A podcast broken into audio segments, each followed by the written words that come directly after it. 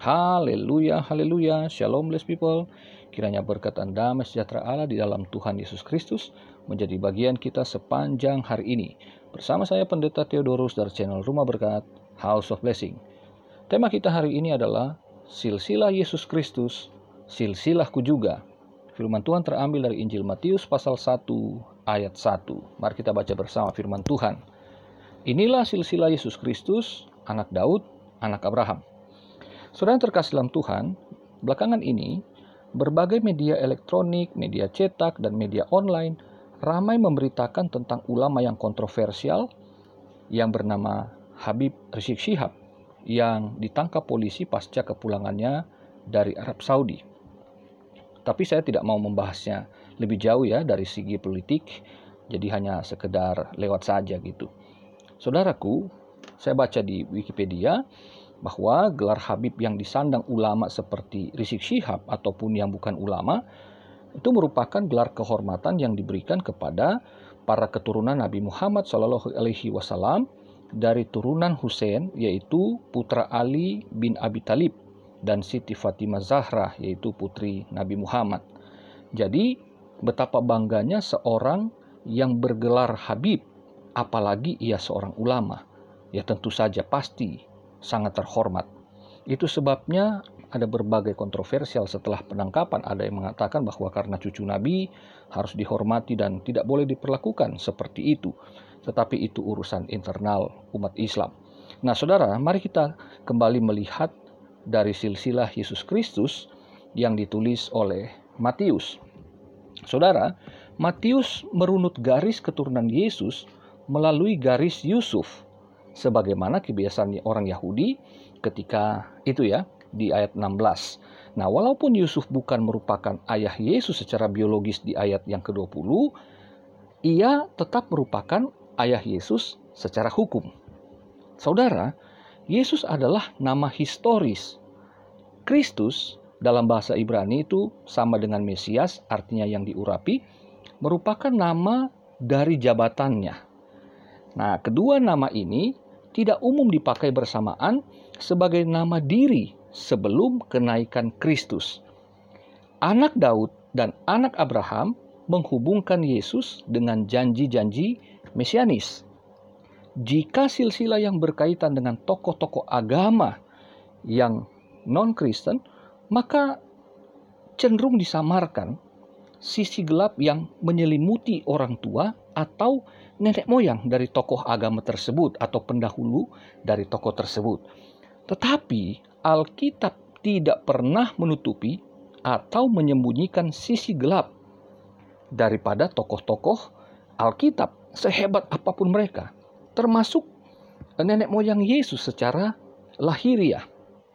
Saudara, Alkitab secara transparan mencatat nama-nama yang menunjukkan peristiwa-peristiwa dan tragedi pilu yang menghiasi nenek moyang Yesus secara manusia.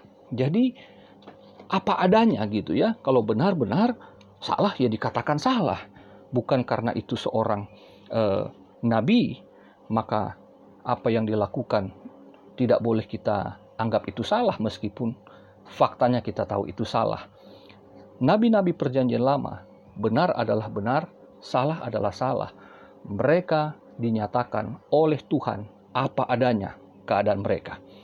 Saudaraku, menariknya ada tiga orang perempuan yang dicatat sebagai bagian dari silsilah Yesus dari sisi gelap itu. Yang pertama, Tamar di ayat yang ketiga. Dia yang melahirkan Peres dan Zerah dari Yehuda, yaitu bapak mertuanya sendiri. Nah, Tamar ini perempuan Kanaan, ya. Jadi bisa dibayangkan seorang anak mantu mendapatkan keturunan dari bapak mertuanya. Luar biasa. Ini aib ya kalau kita lihat di zaman sekarang. Nah, zaman itu pun sebetulnya sudah aib gitu, Saudara. Nah, yang kedua yaitu Rahab di ayat 5 bagian A. Dia adalah pelacur di Yeriko yang kemudian berpihak kepada Israel karena ia percaya kepada Tuhan Allahnya Israel. Dia sudah dengar berita tentang kebesaran Tuhan yang membawa Israel keluar dari Mesir. Dan ia tahu bahwa Jericho akan ditaklukkan, Kanaan akan dikalahkan. Nah, Rahab inilah yang kemudian melahirkan Boas, kakeknya Isai, ya. Jadi kakek buyutnya Raja Daud. Yang ketiga, Batsheba, ibunda Salomo, yang ditulis oleh Matius sebagai istri Uria di ayat yang ke-6. Dikatakan demikian istri Uria karena mengingat peristiwa memalukan di mana Daud menghamili Batsheba yang pada waktu itu masih berstatus sebagai istri Uria. Dan akibatnya tragedi datang silih berganti dalam keluarga Daud akibat perbuatannya. Namun saudara, ada satu nama perempuan asing yaitu Ruth dari Moab yang tercatat sebagai neneknya Raja Daud. Dengan demikian, dari keempat nama perempuan tersebut dapat ditarik pelajaran sebagai eh, sebagai bagian dari kehidupan kita sendiri. Ya, yang pertama, Yesus secara manusia itu berasal dari silsilah keluarga yang ada cacat celahnya juga. Yang kedua, Yesus datang untuk menyatakan kasih karunia Allah yaitu memberikan keselamatan secara universal bagi umat manusia. Saudaraku, silsilah Yesus Kristus sebagai anak Abraham kemudian menjadi silsilah kita semua juga. Bagaimana bisa? Perhatikan di Galatia pasal 3 ayat 29 Paulus menulis, "Dan jikalau kamu adalah milik Kristus, maka kamu juga adalah keturunan Abraham dan berhak menerima janji Allah.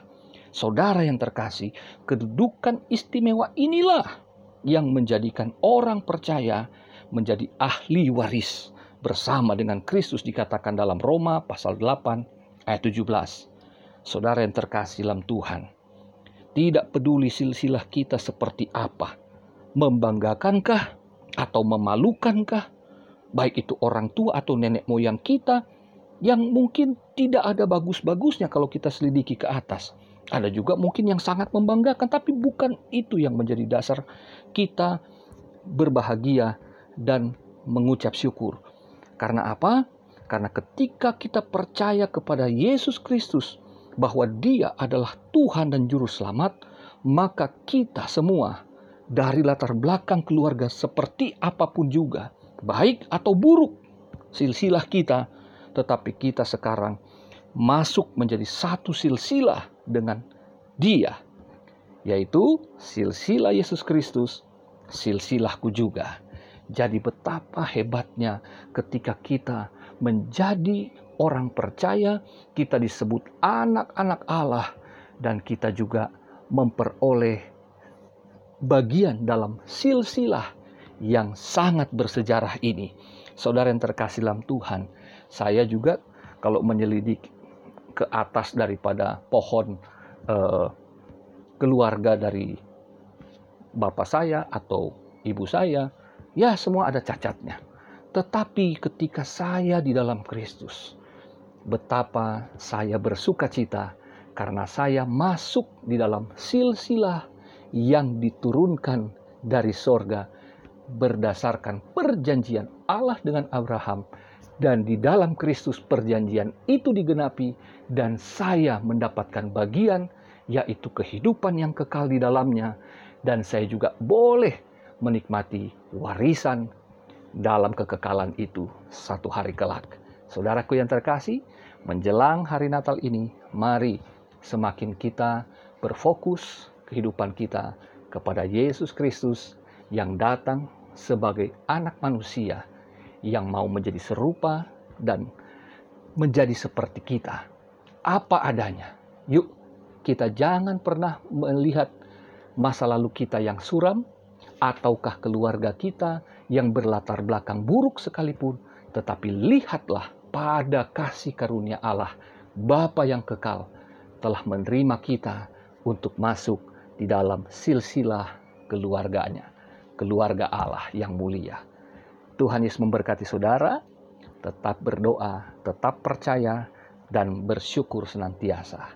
Sampai berjumpa di vlog berikutnya. Haleluya, bless people.